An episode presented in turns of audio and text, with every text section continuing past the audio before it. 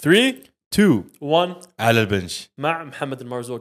آه، أنا أشوف محمد المرزوق حيكون أحد الضيوف الدائمين أصدقاء آه، بودكاست على البنش. والله يا أبو مرزوق. إن شاء الله والله بإذن الله بإذن الله. بالعكس أحسن بودكاست بالنسبة لي بالوطن العربي فنتشرف والله.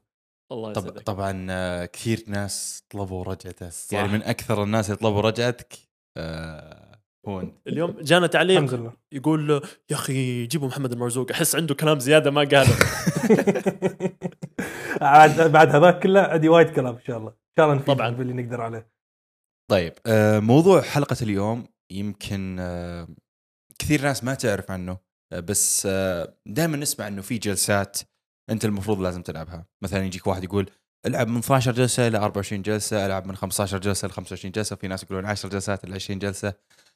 آه، ودائما يجي السؤال اللي يتردد آه، على الناس اللي هو طيب وإذا لعبت أقل من هالجلسات طيب وإذا لعبت أكثر من هالجلسات إيش راح يصير في هذه الحلقة بنتكلم عن ثلاث أشياء واللي هي آه، تندرج تحتها اللي هي حدود التمرين اللي هي الحجم التدريبي حق المحافظة والحد الأدنى اللي يحفزك للبناء العضلي والحد الأقصى. ابدأ يا محمد.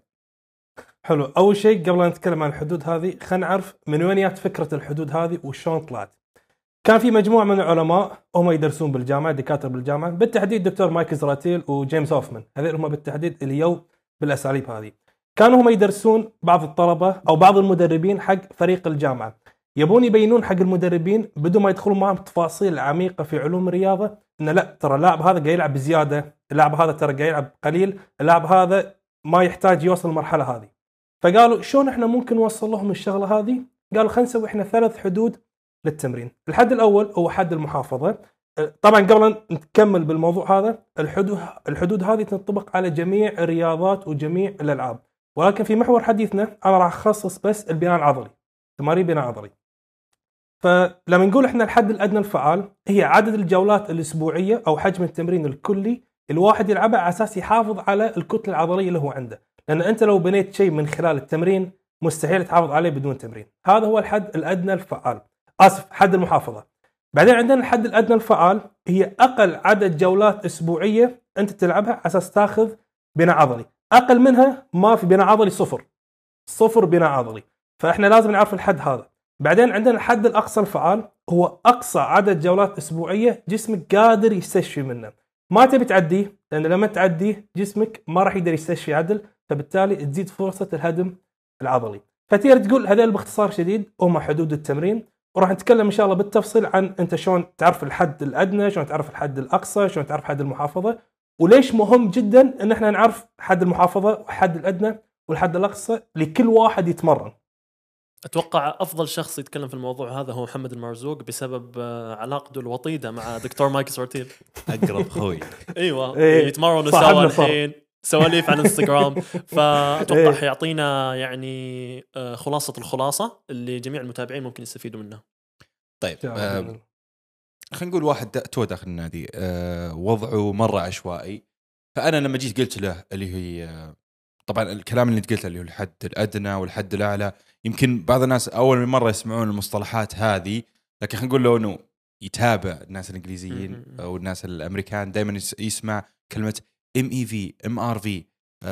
وهذه المصطلحات هي تعني هالشيء ام اي في بمعنى minimum effective volume MRV maximum recoverable volume مثل ما قالها آه، محمد فيجي الواحد يقول طيب أنا إيش أهمية إني أعرف هالأشياء؟ بالنهاية أنا طول عمري قاعد أتمرن بعشوائية ولا اللي اهتميت صراحة لهالشيء ولا قد حطيته في بالي وقاعد أحصل نتائج.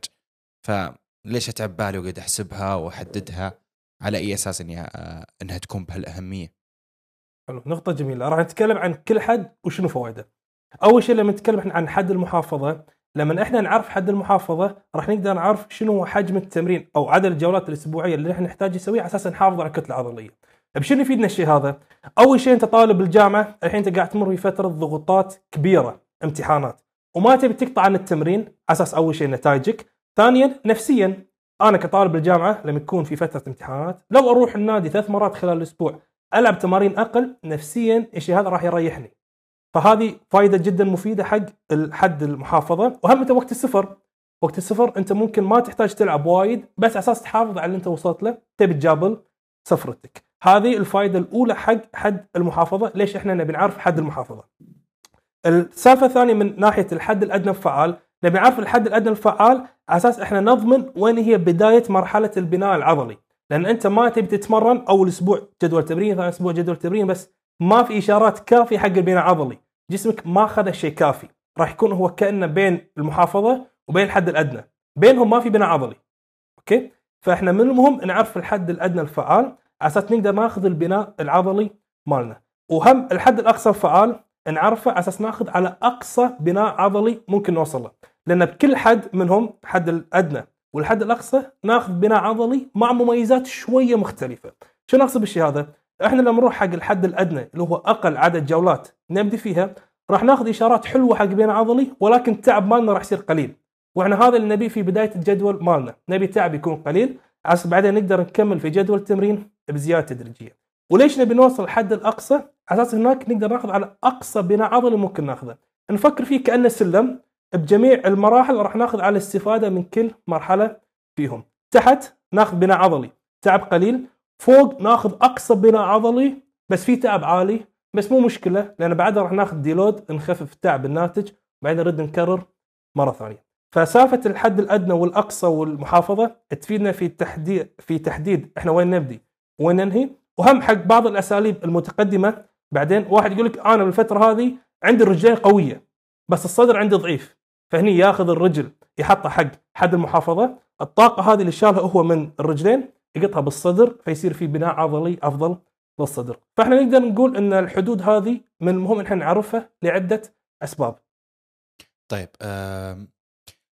بالنسبة للشيء اللي قلته آه، من ناحية التطور إنه الواحد يبدأ من الحد الأدنى وينتقل لل- للحد الأعلى.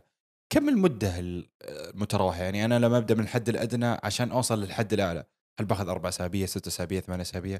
ولا على حسب المستوى؟ حلو على حسب المستوى نفس ما تفضلت. يصير الموضوع إن إحنا عندنا ثلاث مستويات رئيسية مستوى مبتدئ مستوى متوسط مستوى متقدم. شرح بسيط حول كل واحد فيهم. المستوى المبتدئ اللي هو ما بنى كتلة عضلية كافية وزينة معنى أصح إنه ما صار فترة طويلة يتمرن أو ما يتمرن بالطريقة الصحيحة. تشوف أنت قدامك تقول هذا يتمرن وما يتمرن. هذا بالغالب مبتدئ. مستوى متوسط اللي هو صار فترة يتمرن جسمه صار مرتب بنى كتله عضلية مبين هذا شخص يروح النادي. مستوى متقدم هذا الشخص اللي كل الناس تبي تصير نفسه. هذا اللي يكون عنده مستوى عالي من الكتلة العضلية. الحين في علاقة عرض في علاقة عكسية بين الموضوع هذا. أنت لما يزيد مستواك تحتاج إن أنت تتحكم بالتعب أكثر مالك. شنو اقصد بالشيء هذا؟ لما أنت تكون مبتدئ الكتلة العضلية عندك قليلة التعب الناتج أنت راح تاخذه حق جسمك ما هو عالي. فلما يكون التعب ما هو عالي تقدر تستمر أنت على جدول التمرين لفترة زمنية طويلة تقدر تتحمل الشيء هذا. فإحنا نقدر نقول إن الشخص مبتدئ ممكن يستمر من البداية لين النهايه 12 أسبوع. ثلاث شهور تمرين مستمر ما يحتاج أي ديلود أي تعب لأن أصلا عضلات صغيرة فالتعب الناتج من التمرين ما هو وايد عالي. نروح حق مستوى متق... متوسط يصير الموضوع لا هني زاد هو بالكتله العضليه يزيد التعب الناتج من التمرين فنحن نقدر نقول تقريبا ثمان أسابيع ست أسابيع هالحدود هذا يعتبر مناسب وممتاز حق أغلب الناس اللي مستواهم متوسط. مستوى متقدم نقول بالغالب أربع إلى ست أسابيع من التمرين الفعلي الصح للاجهاد العضلي هنا راح يوصل لمرحلة إنه يحتاج deload فأنت تقدر تقول إنه من خلال المراحل هذيل أنت تقدر تعرف okay أنا عندي تدرج من الحد الأدنى للحد الأقصى حسب مستواي وحسب عدد الأسابيع. طيب آم، بتجادل معاك شوي بهالموضوع. قل لي. طيب بما إنه الحد الأدنى أنا بحصل تحفيز بس إنه أقل آه، تحفيز بس لسه آه. تحفيز والحد آه، الأقصى بحصل تحفيز وهو أعلى تحفيز ممكن أحصله. فبالنهاية أنا قاعد أحصل بداية الجدول أدنى تحفيز وبالنهاية قاعد أحصل أعلى تحفيز. فليش ما أخلي الجلسات متوسطة ما بين الحد الأدنى والحد الأعلى طول الجدول؟ فلذلك أحصل على تحفيز متوسط طول الجدول ويكون بالنهاية متساويين. إيش الفرق بين هالشيئين؟ نقطة جدا جميلة. يصير الموضوع إن أنت نفس ما قلنا في البداية أنت تبي تاخذ تفعيل ولكن ما تبي تعب عالي. فانت قاعد تروح النادي تتمرن بدون تعب عالي فبما أن الشيء هذا موجود ليش أنا ما أستغله؟ ليش أروح للنص يكون في تعب أكبر وأنا في بداية الجدول مالي؟ ما أشوف إن لها لازمة. هاي النقطة الأولى. النقطة الثانية اللي أنا اشوفها الأهم في مفهوم في علوم الرياض اسمه super compensation اللي معناته إن أنت لما تتعب جسمك تعب تعب تعب توصل لمرحله خلاص هو حيل تعبان فيها تخفف تعب منه يصير في إنه هو يتطور أسرع. فأنت لو ما وصلت للحد الأقصى مالك تقدر تقول إن أنت كأنك قاعد تفوت على نفسك المرحلة هذه والجزئية هذه من عملية البناء العضلي اللي أنت ممكن توصل لها. طبعا هي في لها حد ما يصير موضوع إن واحد يتمرن على طول بتعب عالي لا. في حد معين بعدين توقف جدول تمرينك تخلي جسمك يستشفي. ولكن هذه هي الأسباب اللي تخليني أنا ممكن أنصح إن الواحد يروح من الحد الأدنى للحد الأقصى ما يظل بالنص على طول. على أساس يستفيد من جميع النواحي من ناحية البناء العضلي من ناحية البناء العضلي اللي يكون تعب قليل ومن ناحية البناء العضلي اللي يعطيك أقصى بناء عضلي. هذا أول نقطة. ثاني نقطة هذه النقطة يمكن فيها شرح شوي مفصل ندخل بالتفاصيل ولكن أنتم أتوقع أنتم ذاكرين موضوع الفشل العضلي والتكرارات المتبقية الفشل العضلي وهذا كله. إنزين. إحنا في بداية الجدول في الحد الأدنى الفعال ما راح نوصل الفشل العضلي راح نوصل نقول أربع تكرارات للفشل العضلي هو فعال مفيد للبناء العضلي ولكن ما يعتبر بتعب عالي. كل ما أنت تدرج بالأسابيع كل ما أنت تقرب يم الفشل العضلي. لأن إحنا لما نكون أربع تكرار الفشل العضلي في بناء عضلي في تفعيل حلو ولكن كل ما نرفع أكثر كل ما يزيد التفعيل البناء العضلي أكثر شوية أكثر شوية أكثر شوية. لهالسبب إحنا نقول انه من صفر تكرار الفشل العضلي يعني فشل عضلي يعطيك بناء عضلي أقوى من أربع تكرار الفشل العضلي ولكن تعب وايد أعلى. فإحنا لما نبي نفكر بالفكرة هذه إن إحنا نبي أول شيء أربع تكرار الفشل العضلي بعدين ندرج بين الأسابيع ما نبي يكون الموضوع هذا بتعب عالي. فاحنا نعطي جولات قليلة فعاله الفشل العضلي ما يكون قريب عن الفشل العضلي أربع تكرارات ثلاثة الفشل العضلي وبعدين كل شوي مع زيادة حجم التمرين نزيد التعب وهكذا بالتدريج. فأنا هاي الطريقة اللي أشوفها اللي ممكن تناسب الأغلبية من ناحية الحصول على أقصى بناء عضلي ومن ناحية التحكم بالتعب. فهي من جميع النواحي ممكن تكون الأفضل. آه، فصل كويس تفصيل كامل آه، للجزء النظري. من ناحية الحد الأدنى والحد الأعلى والحد الفعال للبناء العضلي، الآن خلينا نتكلم كلام عملي شوية، الآن دائما نسمع أو ن- نعطي توصيات إنه آه، عدد جلسات المحفزة للبناء العضلي بالأسبوع تكون ما بين 10 مثلا إلى 20 أو 25 ممكن توصل 30 فعدد الجلسات الأسبوعية هي ال- ال- الشيء الأساسي في تحديد الحد الأدنى الحد الفعال وأقصى حد ممكن تلعب فيه. أنا كشخص الآن ممكن يجيني سؤال في بالي. كيف أحدد آه، الحدود هذه بالنسبة لي من وين أبدأ؟ من أي عدد جلسات؟ كيف أزود عدد الجلسات هذه؟ وإيش أقصى عدد جلسات ممكن أوصل له؟ فإيش الأساسيات اللي أمشي عليها عشان أعرف الحدود هذه؟ حلو. حد المحافظة؟ هذا راح نخليه لأن راح نقدر نطلع من الحد الأقصى.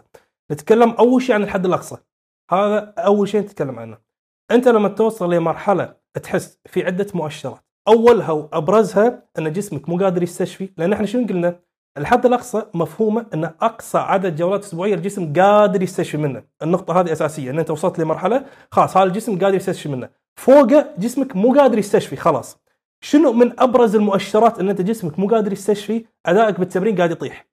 لما أنت من الأسبوع هذا مثلا لعبت 10 كيلو 10 تكرارات الأسبوع اللي بعده 10 كيلو ست تكرارات على الرغم إن نومك سليم وكل شيء سليم والشيء هذا متكرر مو من حصة تدريبية واحدة تحس إنه آه okay. أنا جسمي مو قادر يستشفي مو قادر أتطور. هذه أبرز وأهم علامة إن أنت وصلت للحد الأقصى الفعال. في إشارات ثانية ثانوية. مثلا حماسك للتمرين صار أقل النوم عندك صار ملخبط. هالأشياء هذه كلها علامات ثانوية. ولكن أبرز وأهم شيء هو الانخفاض في الاستشفاء والانخفاض في الأداء الرياضي.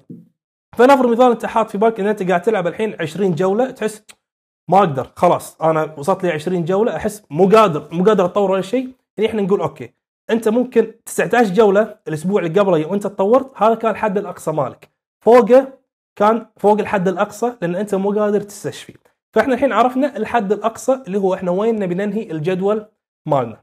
إنزين الحين نروح حق الحد الأدنى إحنا وين نبي نبدي الجدول مالنا؟ من خلال ال- عدة مؤشرات إحنا ممكن نعرف إذا كان العد هذا من الجولات حد الأدنى حد الأقصى وغيرها من الأمور هذه. أول شيء المجهود اللي إحنا راح ناخذه أو التعب اللي إحنا راح ناخذه من الجولة أو من التمرين نفسه. إحنا راح نحط في بالنا على سبيل المثال نقول أنا okay أشوف أنا أغلب التوصيات الموجودة تقول لك إن نبدي ب 10 جولات وننهي في 20 جولة. خلينا نجرب أنا 10 جولات. خل أشوف وضعي. قال أنا okay ببدي فيها حق الصدر أول أسبوع 10 جولات. تمرن 10 جولات يحس ان ضخ الدم قوي ال pump ماله قوي يحس إن التعب الناتج من التمرين الآلام العضلية الناتج من التمرين حيل قوية يحس إنه هو في أثناء التمرين تعب حيل قوي. هذا بالغالب مؤشر إن أنت شوية يمكن تكون أعلى من الحد الأدنى مالك أنت تكون بالنص. وذلك لأن إحنا قلنا إن هذا أقل عدد جولات أسبوعية يعطيك بناء عضلي مع أقل تعب ممكن. فلو أنت لعبت تمرين رجلين وبعدين صار عندك عوار أربع أيام بالغالب آه هذا حد تمرين وايد أعلى من الحد الأدنى الفعال مالك. فأنت هني تقول أوكي هذا شوي مبالغ فيه خل أقلل أنا شوية من حجم التمرين أروح والله حق ثمان جولات وأشوف وضعي. وتقارن بالطريقة هذه الموضوع يكون تجربة. من خلال أنت يعني الحين أنت عرفت الحد الأقصى عرفت الحد الأدنى حد المحافظة حيل سهل. حيل سهل. تقريبا حد المحافظة هو ثلث الحد الأقصى مالك. أنت والله تقول أنا الحد الأقصى مالي 30 جولة تقريبا حد المحافظة 10 جولات خلال الأسبوع. فأنت من خلال هالمؤشرات اللي هي تحتاج وقت ما راح تعرفها من أول مرة يعني أنت بالبداية تجرب 10 20 جولة تشوف وضعك. بعدين تقول okay أنا الخطة اللي بعدها خل أجرب أروح حق ثمان جولات وأشوف وضعي. okay خذيت أنا pump خذيت ضغط دم خذيت والله التعب من التمرين بس التعب ما هو عالي. يعني أنا أخلص تمرين أحس okay فيني مجال ألعب بعد بس أوقف. هذا هني الحد الأدنى مالك. فمن خلال هالمؤشرات إحنا ممكن نحدد. طيب آه أنا لازم أسألك سؤال لأنه مهم الناس تعرف هالشيء مهم الناس تعرف جواب هالحاجة. واللي هي أنا لما أقول 30 جولة ممكن يجي شخص يقول والله لعبت 30 جولة ما حسيت بشيء. مثلا لعبت 10 مم. جلسات على قولتك ما حسيت بشيء. فأكيد إن فيه آه، قواعد معينة لكل جولة عشان تنحسب كجولة. من كثير. ناس ما تفهم هالشيء. لما أجي أعطيها 10 جلسات يقول والله لعبت وأحس إني ما سويت حاجة. قليل. قليل. قليل. okay القواعد حق الجولة لازم الأساس إنها تكون قريبة من الفشل العضلي. لازم أساسا ما إحنا نسميه الإجهاد العضلي. أنت تقول من أربع تكرار للفشل إلى واحد تكرار الفشل هذا ما نسميه إحنا الإجهاد العضلي إن أنت تحس فعلا في إجهاد فعلي. بعض الناس يحس بحرقة يحسب هذا الإجهاد. لا هذا الشيء مختلف تماما. أنت لما تروح تلعب تكرارات عالية طبيعي أنت راح تحس بحرقة بس أنت يمكن عندك مجال ثمانية تسع تكرارات تكمل. وهذه دراسة سووها على المبتدئين. قال مم. يلا أبيك تمرن الفشل العضلي تمرن بس يا واحد فوق يقول لك كمل كمل كمل كمل. أتوقع سوى 10 تكرارات زيادة 12 تكرار زيادة شيء كذي. يعني تخيل هو شنو عنده سوء تقدير بالتمرين. وهذا صارت معي أنا في شهر رمضان قاعد أدرب كذا واحد في نادي الجامعة هني عندنا. وفعلا صارت بالطريقة هذه. واحد مبتدئ يلا أبيك تمرن لما تتعب. وقف. شنو؟ ما يبين عليك ان انت تمرنت أصلا ما تعبت. كمل. ويوم كمل سوى ست تكرارات زيادة. فهو شوف. هو وين كان بعيد.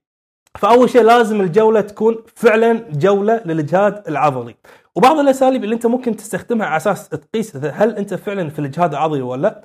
أول شيء صور نفسك وشوف أنت شلون تنهي الجولة مالتك. لما تحس إن أنت تخلص الجولة مالتك مرتاح تعابير وجهك ما تغيرت ما صار في شيء آه بالغالب إنه ما بذلت أقصى ما عندك. هذا واحد.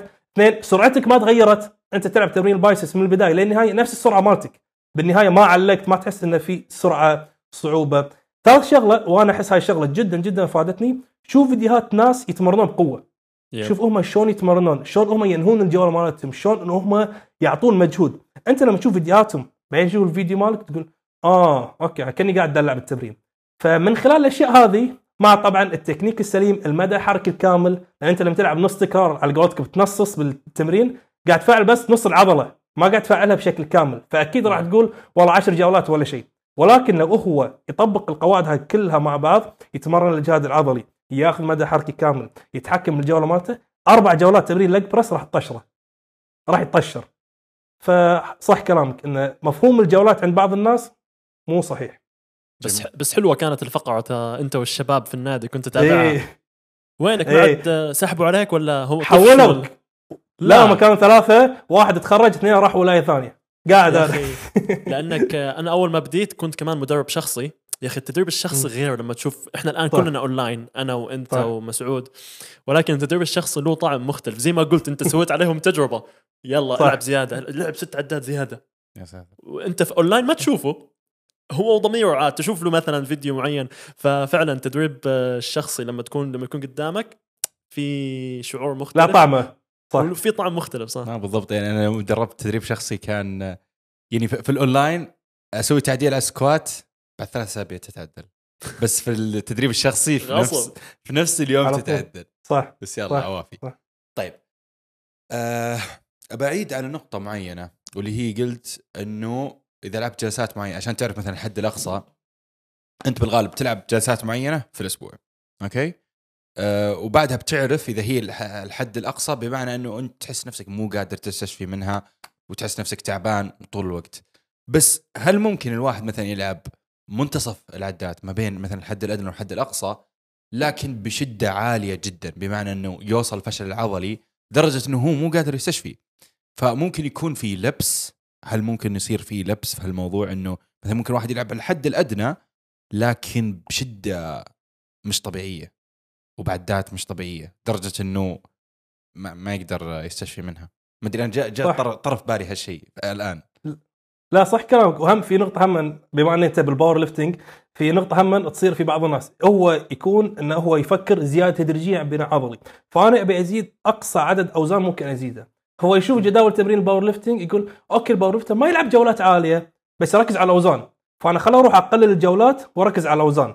أنت هني قاعد تطبق المبدأ هذا بطريقة غلط. لأن أنت مو هدفك زيادة قوة أنت هدفك بناء عضلي والتمرين هذول يختلفون صح أنت اثنين قاعد يلعبون حديد بس تصميم الجدول يختلف بشكل كبير كبير حيل كبير. اختيار التمارين بنطاق التكرارات بالجولات. فغلطة كبيرة إن الواحد يقول لك أوكي أنا ما أبي أروح حق الحد الأقصى لأن أنا بالحد الأدنى تحت قاعد أطور بالأوزان بشكل كبير. صح تطور بالأوزان. ولكن شنو البناء العضلي ما قاعد تاخذ على الأقصى بناء عضلي ممكن تاخذه. هذه النقطة الأولى. النقطة الثانية اللي أنت ذكرتها بخصوص انه يظل موجود ثابت بالنص لأنه هو قاعد يشكل على نفسه تعب عالي مو قادر يزيد بالجولات. لأن نفس ما قال عبد العزيز إن أنت الجولات هي شكل التعب الأكبر على الجسم. فمن هو قاعد يروح ويوصل للفشل العضلي من جولات بسيطة صغيرة يحس "ب- لما يزيد الحين جولة زيادة فشل راح يكون تعب حيل كبير بلاها خت ولي فيصير الموضوع بالطريقة هذه صح إن في بعض الأخطاء تصير من خلال بعض الناس إن يكونوا هم مو عارفين شنو هو الشيء الصح حق نفسهم. ليس دائما نقول أنت هدفك بناء عضلي تتمرن بناء عضلي لا تمرن نفس لاعب powerlifting لا تمرن نفس لاعب Olympic weightlifting لا تمرن نفس لاعب CrossFit كل واحد فيه تصميم جدول تمرين مختلف. بالضبط. آه، تختلف جدا. يعني آه، أنا مثلا في, في تصميم جداولي دائما مثلا أبدأ بداية الجدول بالحد الأدنى بعدين أصعد للحد المتوسط وأقعد عليه. لأنه. بالرفعات المركبة على أساس إنها مرة مرة متعبة راح يوصل تقريبا على الأسبوع الرابع على الأسبوع الخامس راح يوصل كمية إجهاد مش طبيعية. ما هي بسبب مثل ما تقول العضلات بشكل كبير لكن بسبب الجهاز العصبي بشكل أكبر. مم. فعشان كذا أنا أقعد أوازنها. لكن لما يجيني واحد والله قاعد يتمرن البناء العضلي أنا بستغل إنه هو قاعد يلعب تمارين ما هي مجهدة للجهاز العصبي بشكل كبير فلذلك يقدر يدف جلسات أكثر بدون ما يجيه الاجهاد ال- العصبي هذا. طيب نتكلم على التخصيص بشكل آه لأنه أنت ذكرتها قبل بس بنخش فيها الحين اللي هي التخصيص. إنه والله يجي واحد يبغى يبني كت يبني كتلة عضلية في مكان أكثر من مكان ثاني عنده جزء أكبر من من الثاني متى الواحد تقدر تقول إنه جاهز يسوي هالحركه وكيف أصلا يسويها حلو. قبل أن نجاوب على السؤال هذا أنا ذكرت نقطة بخصوص السؤال السابق ودي بس أوضحها. تمام. بخصوص إن أنت إحنا قلنا تدرج من الحد الأدنى للحد الأقصى صح؟ بعض الناس لما يسمع القاعدة هذه يقول أوكي أنا ما حسيت ببامب ما حسيت بقوة ما حسيت بتعب خليني أروح ازيد خمس جولات الأسبوع اللي بعده. لا هذه زيادة كبيرة جدا. وأنا طحت بالغلطة هذه يمكن ازيد أربع خمس جولات بالأسبوع. كلمت الدكتور قال لي آه حبيبي لا لا لا ما يصير الشغلة هذه. فيصير الموضوع إن أنت حط في بالك من واحد إلى ثلاث جولات كحد أقصى حق العضلة بالأسبوع وحاول ما تزيد عنه. وأغلب الناس ترى جوله لجولتين راح تعتبر جدا كافية ووافية. فواحدة من الأسباب اللي تخلي واحد ممكن ما يوصل الحد الأقصى ماله الفعلي إنه يزيد بالجولات بشكل كبير فيشكل تعب عالي. فهذه نقطة قلت أذكرها. الحين بخصوص موضوع التخصيص أول شيء التخصيص فكرته إن إحنا الحين قلنا إن كل ما أنت كبرت الكتلة العضلية كل ما يزيد التعب الناتج عليك. هذه نقطة خلص منها. النقطة الثانية لازم أعرفها إن أنت كل ما كبرت بالحجم كل ما كانت متطلبات التمرين أعلى على أساس أنت تكمل بالتطورات لازم تلعب أكثر. فنرجع حق حدود التمرين. أنت كمبتدئ الحد الأدنى مالك جدا قليل ونازل وصغير. لما تتطور مستوى الحد الأدنى مالك يزيد. الحد الأقصى مالك هم يزيد؟ لما تصير متقدم الحد الأدنى مالك يزيد أكثر الحد الأقصى مالك يزيد أكثر. فلما أنت كل ما تقدم بالمستوى المطلوب حق تطوراتك يزيد. فلو أنت تبي تروح تلعب كل عضلاتك من الحد الأدنى للحد الأقصى وأنت عندك كتلة عضلية كبيرة بالغالب راح تتعب. ما راح تقدر تسوي الشيء هذا وتعطي كل جولة وكل تمرين كفاءة عالية وتعطي كل شيء حقه. ما راح تقدر تسوي الشيء هذا. شبه مستحيل راح تقدر إذا أنت مستواك غير مبتدئ. فهني ندخل إحنا بالتخصيص. ان انت تخصص فترات زمنية تركز فيها على عضلات معينة وتقل التركيز من عضلات ثانية. إجابة على سؤال محمد متى تسويها؟ لما أنت تخلص من المستوى المبتدئ. مستوى مبتدئ نهائي ما له داعي تسوي تخصيص. لأن أنت أصلا الكتلة العضلية عندك ما هي كبيرة فالتعب الناتج ما هو عالي فتقدر تطور أنت كل شيء طقة واحدة ما له داعي تركز على التخصيص. هذه نقطة وايد مهمة لأن أنا يجوني ناس بدربهم تجي صورة يبين عليه حيل مبتدئ. يقولوا أنا على أساس الشكل الكلي بركز على ال biceps وال triceps. عزيزي أنت لحد الحين ما عندك أنت عضلات ككل على أساس تبي تركز على شيء معين مو من صالحك وأشرح له. مو من صالحك تسوي الشيء هذا ركز على الجسم ككل. بعدين مستواك يتطور بعد سنة سنة ونص سنتين هني ندخل على التخصيص أكثر. فمبتدئ ما يسوي التخصيص. نفس يجي يقول لك آه، ليه ما عندنا تمارين سواعد زيادة؟ أبغى سواعد أبغى ترابيس. أنت إيه، تبغى عاد- كل شيء. أنت ما تبغى سواعد سواعد. تبغى كل شيء. صح أنا وايد يصيروا معي مثلا. مو حاط لي تمارين سواعد كابتن. okay أنت بالسحب قاعد تشغل سواعد. بالضبط. فهذا طيب. هو يعني. آم، من ناحية الجلسات okay هل ممكن في أشياء معينة تقدر تخلي الواحد يسوي جلسات أكثر؟ يعني أنا أشوف في النادي حقنا بما إن في ناس يستخدمون محسنات أداء بشكل كبير فهل محسنات الأداء تسمح للأشخاص إنه يسوي جلسات أكثر يزيد عنده ال- الحد الأعلى أو مثل ما تقول آه، هل بيستفيد أصلا إنه يروح فوق الحد الأعلى هذا بالنسبة. له نقطة جميلة. سالفة حدود التمرين تتغير بوايد متغيرات، في وايد متغيرات، هذا عبد العزيز اليوم علق تعليق على الانستغرام جدا جميل، قال لك الناس عبالها الموضوع أبيض اسود، خلاص 10 إلى 20 جولة ثابت حق كل الناس طول العمر، أنت نفس الشخص ممكن الحين أنت تلعب 20 جولة هي الحد الأقصى مالك، بعد ثلاث شهور تنشف تصير 18 جولة، أنت نفس الشخص. ففي وايد عوامل تختلف، نفس نفسك أول شيء موضوع محسنات الأداء. أنت لما تاخذ تستوستيرون وبقية محسنات الأداء هذا قاعد يصير ان انت عندك استشفاء أعلى. جسمك قادر يستشفي بطريقة أفضل. الألم العضلي عندك يصير أقل من التمرين. أنت قبل ممكن تتعب. أربع أيام ثلاث أيام من التمرين أنت ممكن يومين يوم واحد ترد أمورك سليمة. فعلى أساس إن استشفائك عالي فالحد الأدنى والحد الأقصى مالك يتغيرون. شلون يتغيرون؟ الحد الأدنى مالك يصير أقل الحد الأقصى مالك يزيد. شنو معناته؟ معناته أنت لما تلعب أقل وتقدر تتطور معناته أنت استشفائك حيل عالي. ولما تروح تلعب أقصى زادت على الجولات الأسبوعية يصير أنت تقدر تتحمل أكثر بسبب هم الاستشفاء العالي. فهذه واحدة من النقاط الرئيسية ليش إن أنت كشخص ما تستخدم محسنات أداء ما تقلد جدول تمرين واحد يستخدم محسنات أداء لأن هذاك استشفاء أحسن ويقدر يتطور من جولات أسبوعية أقل. فموضوع محسن الاداء فعلا يفرق ويعطي اختلاف جدا كبير. واحدة من الأسباب هم اللي تخلي واحد أصلا يتطور وهو ما يهتم تمرينه محسنات الأداء. وايد تفرق. ما ما ما يتخيلون الناس إيش كثر محسنات الأداء تفرق بالتمرين بالمستوى بالالتزام. وايد أمور يعني. في في الدراسه هذا اللي سووها خلوا الناس إيه. ياخذوا محسنات أداء وهم جالسين. هم جالسين ما يسووا شيء زادت عندهم الكتله العضلية. من من. مهامهم اليومية اللي بيسووها. آه،. بس الدراسة هذه أنا في واحد نوه على الكلام هذا قال إنه ال- لما حسبوها حسبوا ال- ال fat free mass. فممكن إنه زاد عندهم الموية فقط. ممكن ف برضه مم. محتوى العضله إي محتوى عضلات لأنه التستوستيرون لحاله لما تاخذه ما هو ما هو شيء أساسي بشكل كبير إنه يبني لك كتلة عضلية إذا أنت مو قاعد تتمرن بشدة كويسة. فلازم تحط شيء ببالك. أغلب الناس الحين بيجي يقول وقته. وقت اضرب لك تستوستيرون وقتل ترى وحتى يعني الكتلة ما كان يعني ما يعني لاحظوا زيادة مو طفيفة. مو مو زيادة واو لا. زيادة طفيفة.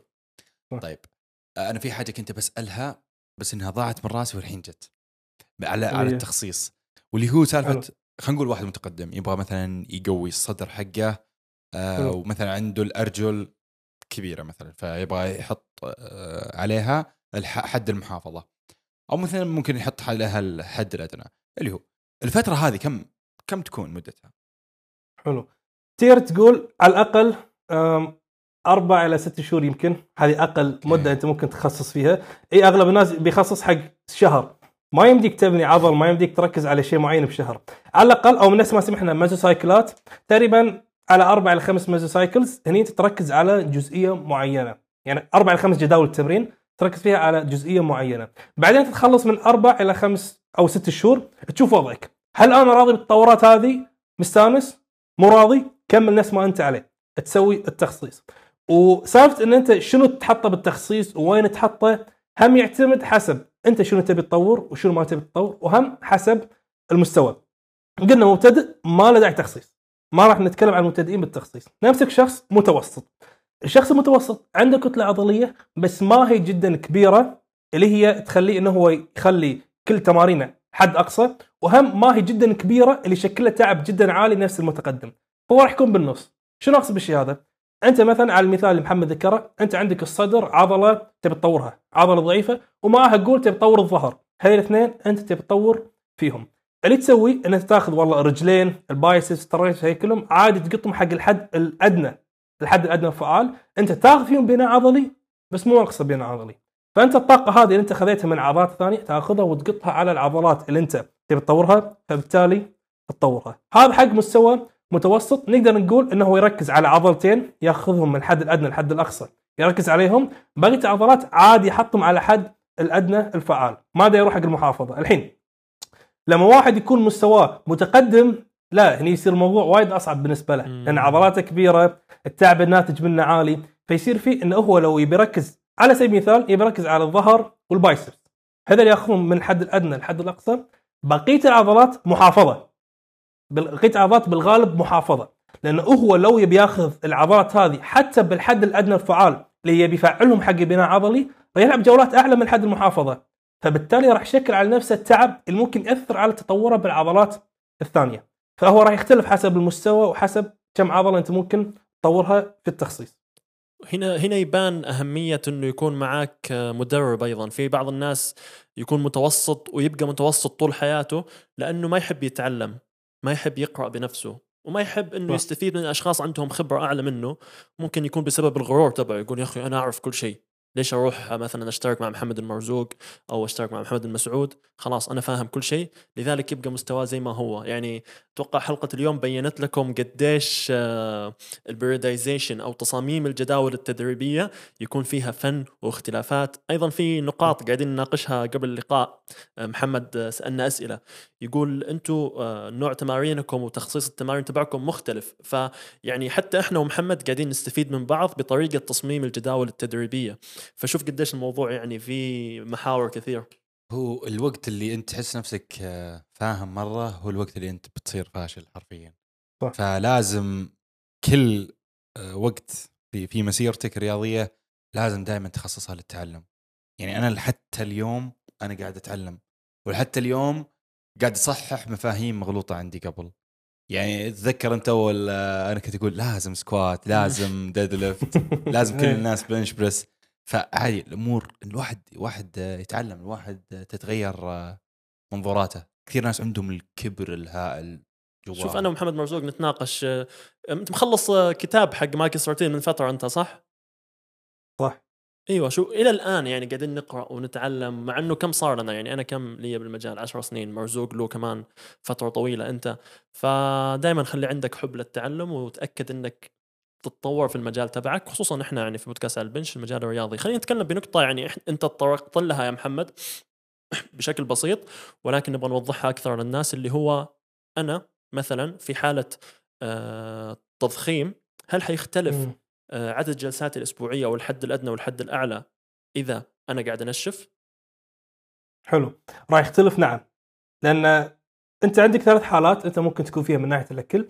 إما تكون أنت في مرحلة ثبات هذه هم أقلية الناس أغلب الناس إما يكون فوق حق تضخيم أو تحت حق تنشيف. نمسك موضوع التنشيف. أنت لما تكون تبي تخسر الدهون راح تاكل أقل من حاجة جسمك. يعني أنت في مرحلة هدم. الجسم ما يحب المرحلة هذه فأنت بتهدم الدهون داخل.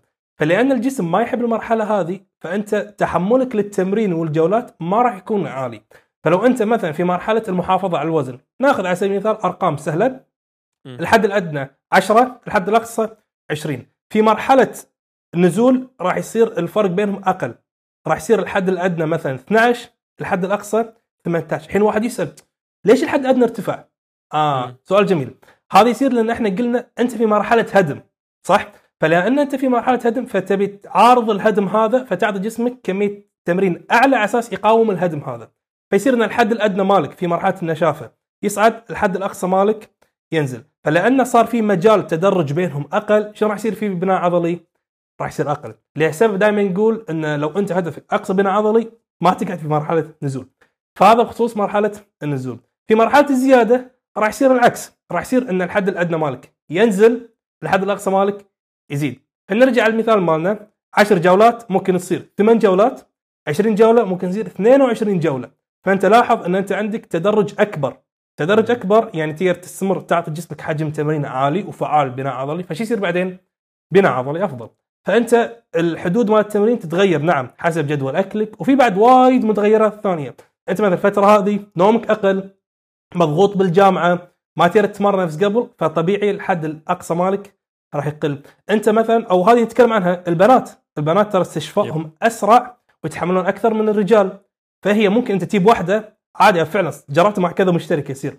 تجيبها عطها مثلا 16 جولة ظهر بالأسبوع أو توصل 18 جولة. تتمرن؟ ها تحسين تعب؟ لا والله. شنو هذا؟ ثم تقعد 12 أسبوع 14 أسبوع ما تحس؟ عادي توصل 14 أسبوع تتعب. يجيب واحد عطى 16 جولة 18 جولة الأسبوع السادس ميت. فهذه بعض الاختلافات اللي تصير اللي إحنا لازم نحط في بالنا الموضوع إنه في اختلافات. انت كبنت ما يصير تتمرن نفس رجل أنت كرجل ما يصير تتمرن نفس الشيء في مرحلة زيادة مرحلة نزول. ما يصير. الموضوع يختلف تماما. حتى المستوى التدريبي أنت مبتدئ ما يصير تتمرن مع صاحبك المستوى المتقدم. ما يصير تتمرن مع نفس الجولات. في وايد اختلافات كبيرة اللي تأثر على حدود التمرين هذه وتأثر على البناء العضلي. هي توصل مرحلة ما يلعبون بس نفس الجولات نفس الأوزان حتى. إيوه خلاص يبقى يشيل ثلاثة plate أنا ححط ثلاثة plate. الوزن اللي يطلع ما ينزل. طيب آه بسألك سؤال يمكن ما تطرقنا له بس أحس لازم نتكلم عنه واللي هو هل يوجد حد للجولات؟ نتكلم قاعدين نتكلم حد الجولات الأسبوعي بس نتكلم عن حد الجولات اليومي هل في حد أعلى. حد ادنى لكل يوم؟ جميل جميل جدا جدا سؤال جميل بالغالب إحنا نقدر نقول إن الحد الأدنى اليومي تقدر تقول أربع جولات تقريبا أربع خمس جولات آه هذا تقريبا هو الحد الأدنى اليومي الحد الأقصى تقريبا نقول 12 إلى 15 جولة في اليوم على أي أساس إحنا وصلنا أو على أي أساس صار في حد أقصى 12 إلى 15 جولة؟ إحنا نشوف إن أغلب الناس لو بيركز على عضله معينه يعطيها أكثر من عدد الجولات هذا يصير إنه هو يوصل لنهاية 12 14 جولة ما قاعد يعطي الجولة حقها. قاعد يلعب سواء حركة سريعة أو مو قادر يفعل الألياف العضلية عدل لأن في علاقة عكسية بين تفعيل الألياف العضلية والتعب. كل ما يزيد التعب يقل تفعيل الألياف العضلية. وهم كل ما يزيد التعب يقل التكنيك اللي يصعب عليك تفعيل الياف عضلية ويزيد عليك فرصة الاصابات فتقدر تقول إن الحد الأدنى حق العضلة باليوم أنا ممكن أشوف إنه أربع جولات يكون. الحد الأقصى ممكن يوصل إلى 12 جولة حق العضلة باليوم الواحد. طيب أقل ما آه، أشوف له داعي زيادة هم بالغالب ما له داعي. بالضبط. آه في دراسة أصلا عن الموضوع هذا آه وشافوا إن الحد الأعلى هو 10 جلسات. بس تعرف 10 جلسات يعني ممكن انه أو زياد زائد أو ناقص. راح تختلف بين الناس. لما نجي نقول الع- العشر جولات مو بس على بس الأداء آه ولا النظام اللي اوه ما راح يعطي الجولات حقها. اللي لاحظوه إنه الواحد لما يلعب 10 جلسات أو مثلا 12 جلسة أو 14 جلسة أو 15 جلسة كلها نفس ال muscle protein synthesis اللي قاعد يصير. فقاعد يصير إنه بعد عشر جلسات ما في أي فرق. فأنت عندك أنت مخزون جلسات في الأسبوع. خلينا نقول لو أنك أنت. تقول تلعب 20 جلسة لعبت 15 جلسة فأنت في خمس جلسات كذا ذبيتها في الزبالة وأنت بكرامة. ما استفدت منها تعب زايد. أصلا إي بالضبط. وتعب زايد وفي النهاية ما, ما استفدت منها كتحفيز عضلي. فلو أنك أخذت الجلسات هذه حطيتها في يوم آخر راح يصير أفضل. طيب بما أنه الوضع زي كذا وكثير ناس يتكلمون عن ال full body إيش رأيك في ال full body انه الواحد مثلا عنده 20 جولة؟ يقسم آه، الجولات هذه ثلاثة على ثلاثة ثلاثة إيه. ثلاثة مثلا آه، مثلا أربع جو... آه، أربع جولات على مثلا خمس أيام أو ست أيام حلو هو تمرين full body وايد أحسن من وايد جداول موجودة بالعالم سالفه تتمرن عضله مرة بالأسبوع جداول ثانية يعتبر من الجداول اللي لها قيمة وفائده. الحين سالفه ال full body أنا ممكن يعني ما أميل لها وايد لعدة أسباب. أول شيء إنه ممكن أنت ما توصل حق الحد الأدنى هذا حق الجولات باليوم الواحد. فمثلا أنت تقول عندك 10 جولات تبي تلعبها خلال الأسبوع حق عضلة معينة وتتمرن خمسة أيام راح تلعب جولتين بس، أوكي راح تاخذ تفعيل بس. ممكن مو أحسن pump ممكن مو أحسن تعب ممكن مو أحسن تفعيل حق العضلة على أساس إنها تتطور. هذه النقطة الأولى. النقطة الثانية أنا طبعا ما تعمقت في تمرين full body ولكن من اللي أشوفه بشكل عام وأقول النقطة هذه قد أكون مخطئ إن أنت لما تروح تفعل الرجلين مثلا مرة squat مرة leg press ثاني يوم مرة بعدها leg extensions مرة بعدها lunges مرة بعدها هذا كله أنت قاعد تحط ضغط على عضلاتك أو مفاصلك بمعنى أصح مستمر مستمر مستمر مستمر. فيصير إن أنت ممكن للمدى البعيد أقول ممكن لأنه ما في شيء مثبت على الشيء هذا أقول ممكن المدى البعيد هذا ممكن يأثر عليك سلبا من ناحية المفاصل والأربطة. فممكن أنت هني تحتاج تراعي الاستشفاء أكثر. كبناء عضلي سوبر الجدول حيل قوي حق بناء عضلي أنا قاعد أتمرن عضلات أكثر من مرة خلال الأسبوع ولكن أنا بالنسبة لي ما أشتغل فيه بالوقت الحالي ثبت النقطتين هذيل. بس نفس ما قلت لك هو أحسن من وايد جداول عشان لا يقومون علينا الجماعة. يا ويلك. ف... فاحسن من وايد جداول بس أنا والدكاترة اللي اتبعهم دكتور مايكل امورها كلها ما نمشي بالسالفة هذه بالغالب. هو ال- أغلب الناس لما يتكلمون full body دائما تفكيرهم شوي محدود من ناحية إنه full body يعني لازم أمرن كل العضلات كلها آه، في اليوم اللي أنا بلعبه. ما هو بشرط. يعني مثلا أنا لما. ألعب أخلي واحد يلعب full body ممكن مثلا لو بيلعب مثلا خمس أيام ممكن أخلي أربع أيام full body ويوم upper ممكن مم. مثلا أخليه يلعب لو يلعب ست أيام ممكن أخلي أربع أيام full body واثنين upper فممكن إني أتلاعب. وال full body مثلا ممكن أوكي أخلي يوم ال legs قاعد أشتغل على حركات ال hip hinges والأشياء اللي تشتغل فيها عضلات الأفخاذ الخلفية. واليوم الثاني مثلا squat pattern والأشياء اللي تشتغل فيها الأفخاذ الاماميه فيكون في توزيع للحمل وتوزيع الحجم التدريبي بطريقة منطقية. فهذا أغلب الناس يمكن الناس اللي تطبق ال full body واللي ماخذينه مثلا من مينو هنسلمان أو فاهمينه من مينو هنسلمان هم يطبقونه بهالطريقة بالغالب. لكن أغلب الناس المبتدئة لما يسمع full body أوه خذ جلسات وزعها على مدار أسبوع. راح يطبقها بطريقة غلط. يلا اليوم. quad extension طيب إيش الفائدة؟ انت قاعد تلعب بس quad extension يعني ألعب معاه حاجة ثانية. آه ال quad extension ما راح توصلك للتعب في يوم واحد. صعب جدا. هو ال full body آه كيف أقول لك؟ كأنه مثلا أنت أول شيء تحدد عدد الأيام اللي حتمشي فيها النادي نقول مثلا خمس أيام. بعدين أنت كأنك آه drag and drop قاعد تلعب لعبة. إنه. مثلا آه اليوم الأول آه تلعب آه full body زي ما قال محمد. الأرجل يكون تستهدف الجزء الأمامي وتستهدف عضلات الدفع. ال full body الثاني تستهدف عضلات السحب. وتستهدف آه. مثلا عضلات الأفخاذ الخلفية. فهمت علي؟ بعدين مثلا ممكن تلعب علوي وتس يعني العضلات تكون موزعة بطريقة مناسبة مع الأهداف حقت الشخص وال full body يعطيك ال flexibility هذه. مم. إنك أنت توزع التمارين والجلسات بطريقة حسب هدف الشخص هذا. بالضبط. يعني أنت تخيل معي إن أنا عندي push pull leg مثلا وجاني واحد آه، عنده الحد الأقصى خم مثلا 30 جلسة مثلا. الرجال استشفاء مرة حلو فأنا لو أبغى أزيد جلسات أنا بس عندي يومين أقدر أزيدها في عضلات ال push فأنا محدود. ال full body يعطيك ال flexibility إنه تقدر تزيد الجلسات في يوم عادي. أقدر احطها في اي شيء أهم حاجة تكون منطقية.